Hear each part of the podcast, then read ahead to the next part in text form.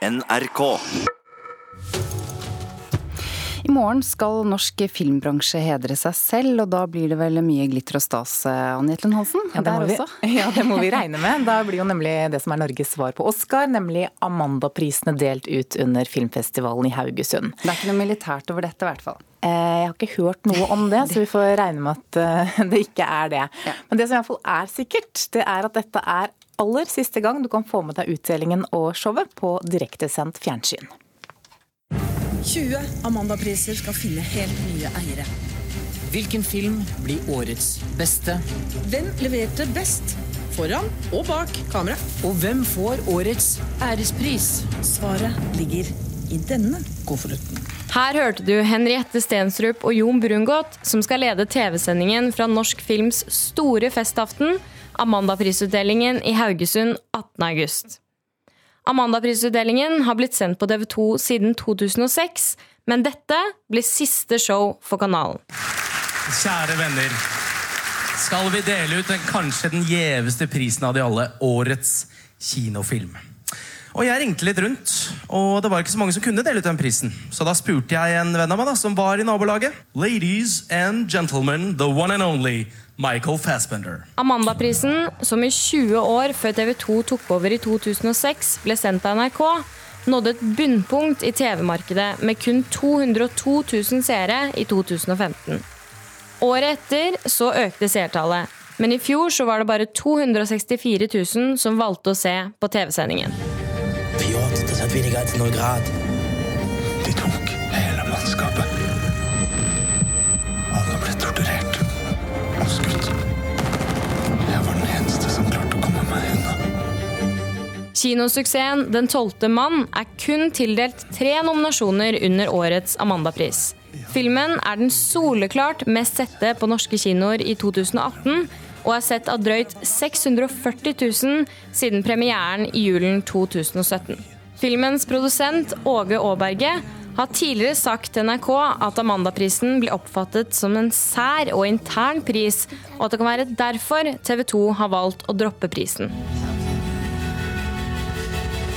Jeg vet ikke hva det er med meg. Det bare Skal jeg hjelpe deg? Men det ser ikke ut til at filmbransjen blir enige om hvordan Amandaprisen skal være. Thomas Robsam, som har produsert Thelma, sa i fjor at de ville trekke seg fra landets viktigste filmpris, fordi en av kriteriene for å vinne prisen for beste norske kinofilm var at filmen skulle ha en publikumsappell. Kort tid etterpå så endret Amanda-komiteen på formuleringen, og Robsam opphevet boikotten. Thelma endte til slutt opp med hele tolv nominasjoner til årets Amanda-pris. Publikumsappell eller ikke, Amanda-show i år, det blir det. Og Amanda-komiteens leder Tonje Hardelsen takker TV 2 for samarbeidet og sier til VG at hun ser nye muligheter for Amanda de neste årene. Reporter her, det var eh, Kaja Marie Andreassen. Filmkritiker Birger Vestmo, det er jo mange som er opptatt av film. Hva er grunnen til at eh, Amanda-utdelingen ikke lenger er interessant for eh, TV-kanalene? Kort sagt så handler det om økende kostnader og dalende seertall. Det er dyrt å produsere Amanda-prisutdelingen i Haugesund, for man må frakte personell og utstyr dit. Man må fly inn gjester og artister, og det er veldig kostbart. Og som vi hørte i innslaget, så har seertallene dalt de siste åra. Vi skal ikke lenger tilbake enn til 2009, da over 600 000 så Amanda-prisutdelingen da Max Manus vant flere priser. Og nå altså er man nede i en tredjedel av det, og det er nok medvirkende til at TV 2 nå har satt et punktum. Men hvorfor er ikke publikum interessert lenger? Det er kanskje ikke like spennende med prisutdelinga på TV lenger. Det er litt stiv underholdning som det lukter litt gammelt av. Nå har jo Amanda-showet forandra seg gjennom årene, men det er fremdeles underlagt visse premisser som ikke nødvendigvis borger for høy fart og mye moro på skjermen. Altså Man har et visst antall priser som skal deles ut i løpet av et visst tidsrom, og da er man prisgitt f.eks. vinnernes evne til å takke på morsomme og fargerike måter, og der er nok kvaliteten varierende. Mm. Vi hørte i innslaget her produsent filmprodusent Åge Aaberge som har sagt at eh, Amandaprisen oppfattes som sær og intern. Er det noe som eh, flere, et syn som flere deler? Vel, jeg kan forstå at noen kan synes det, men det har vel med å gjøre at enkelte av prisene eh, er litt mindre interessante for det brede publikum. Men hvis man ser på de filmene som har hevda seg de siste åra, så, så, lukter det ikke akkurat smalt. Altså, 'Kongens nei' vant i fjor, 'Bølgen' året før og 'Burning' før der igjen. Så jeg vet ikke om det er et veldig vektig argument. Men arrangørene, da? Hvilket ansvar har de for å holde på interessen fra publikum?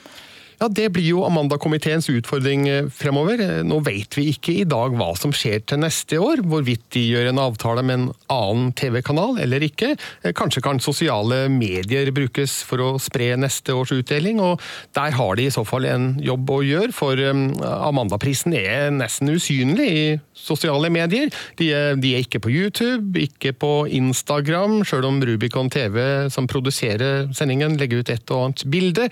Det skjer lite på Facebook, og på Twitter har Amandaprisen sendt ut én eneste tweet siden kontoen ble oppretta i 2016, så de må nok kanskje forsterke sitt nærvær i sosiale medier, i hvert fall om de skal ha et håp om å nå den yngre generasjonen potensielle seere. Mm.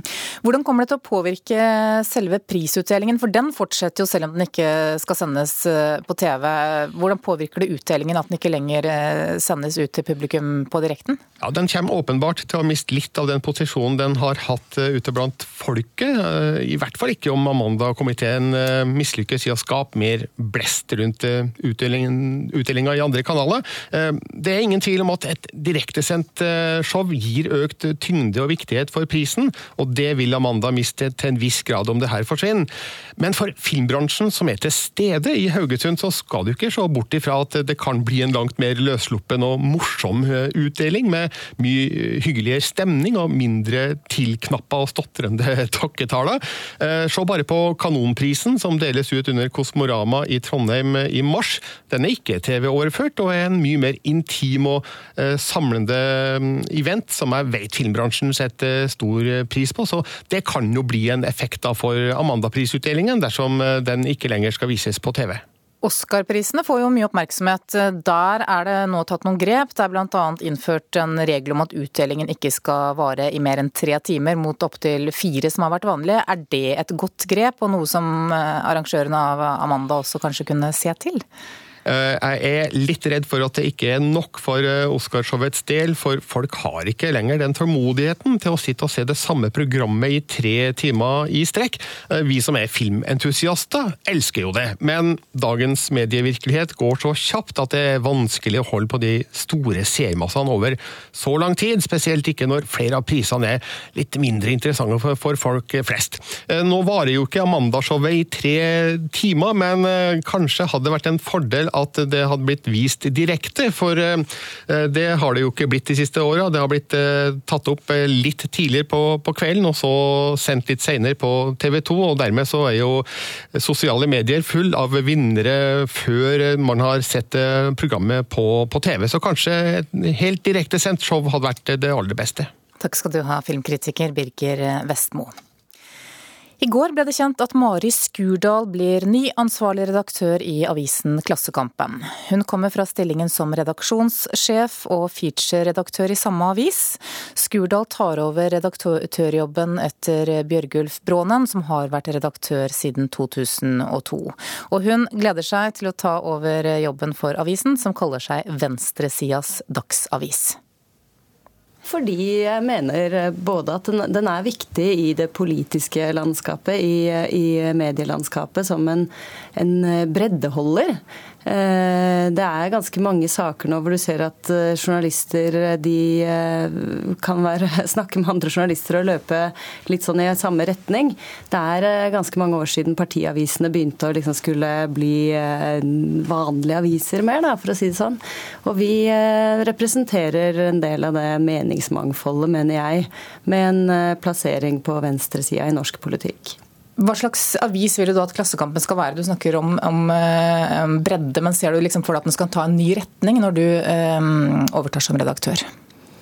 Nei, det har jeg vel også gjort litt klart. Altså, jeg har eh, vært med på å lede den avisa i årevis allerede. Så jeg er ikke den som skal komme og si nå skal vi ja, inn i et eller annet nytt landskap. Nærmere sentrum eller et eller annet sånt. Og det er snarere sånn at jeg ønsker å videreutvikle den egenarten da, som vi har. Som innebærer Eh, både at vi er eh, ja, opptatt av politikk og samfunnsutvikling hele tiden. Også samtidig som vi har den breie kulturdekninga vi har. Eh, vi har historiske temaer, vi har naturspalter, vi har vitenspalter. Altså vi, vi har en sånn herlig miks, syns jeg, da, som er veldig fin. og nysgjerrighetsvekkende. Du snakket om dette her med å gå i flokk eh, denne uken, og egentlig de to ukene før det. Og så har det vært mye um, fokus på Per Sandberg, mm. som altså var på ferie i Iran. Han har kalt norske medier for løgnere, og statsministeren vår, Erna Solberg, eh, brukte ordet blodtørstig om norsk presse, selv om hun trakk det tilbake eh, nå litt senere. Dere har en dobbeltside om eh, saken, mm. Eh, eller om noe av saken i dag. Hvordan ser du på medienes og deres dekning av denne saken? Eh, det, har, nei, det er jo mye. Det har jo vært et typisk eksempel på en sånn mediedrivsak. Eh, hvor man skal få den siste kommentaren hele tiden. Eh, og så Jeg syns det er naturlig at man skal se på hva som gikk bra hva som gikk dårlig. Jeg eh, sjøl er litt kritisk til alt dette insinuerende pratet som har vært spesielt rundt hun kjæresten til Sandberg. da. Letnes, at hun har jo blitt Det er trukket fram Mata-Hari, og det er trukket fram honningfeller og i det hele tatt. Eh, jeg synes i hvert fall, altså, Det er vel Elisabeth Eide, medieforskeren, som sier i vår avis i dag at sånne spekulasjoner hører hjemme i en privat setting. Det hører ikke hjemme i avisspaltene. Og Det har vi sett i noen av de store avisene.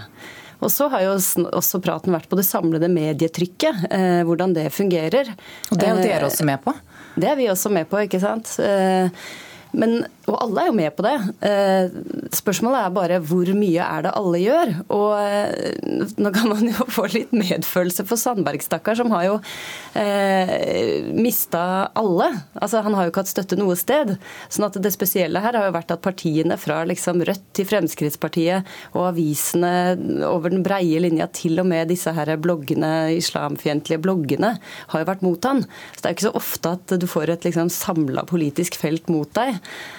så det har jo gjort at kanskje dette trøkket har vært ekstra eh, tungt nå, eller ekstra ensidig, for å si det sånn. Men, eh, men jeg hører jo noen redaktører som snakker om at ettersom mediene gjør en så viktig samfunnsrolle, så er det uansett bra å løpe etter. Og da tenker jeg at det er to måter å se det på. Det ene er at den type dekning som forsøker faktisk å finne ut uh, hvilke bånd Sandberg eller kjæresten har til Iran, som går i disse møtene med, med eksiliranere som er rundt på det, det, tenker jeg er én ting. Men det andre er de mediene som vil ha den her døgnkontinuerlige uh, praten, altså svarene fra Sandberg, som liksom hvert femte minutt skal prøve å De avslører jo selvfølgelig ingenting ved å spørre han gang på gang om dette. Så uh, ja. Det sa Mari Skurdal, ny ansvarlig redaktør i Klassekampen.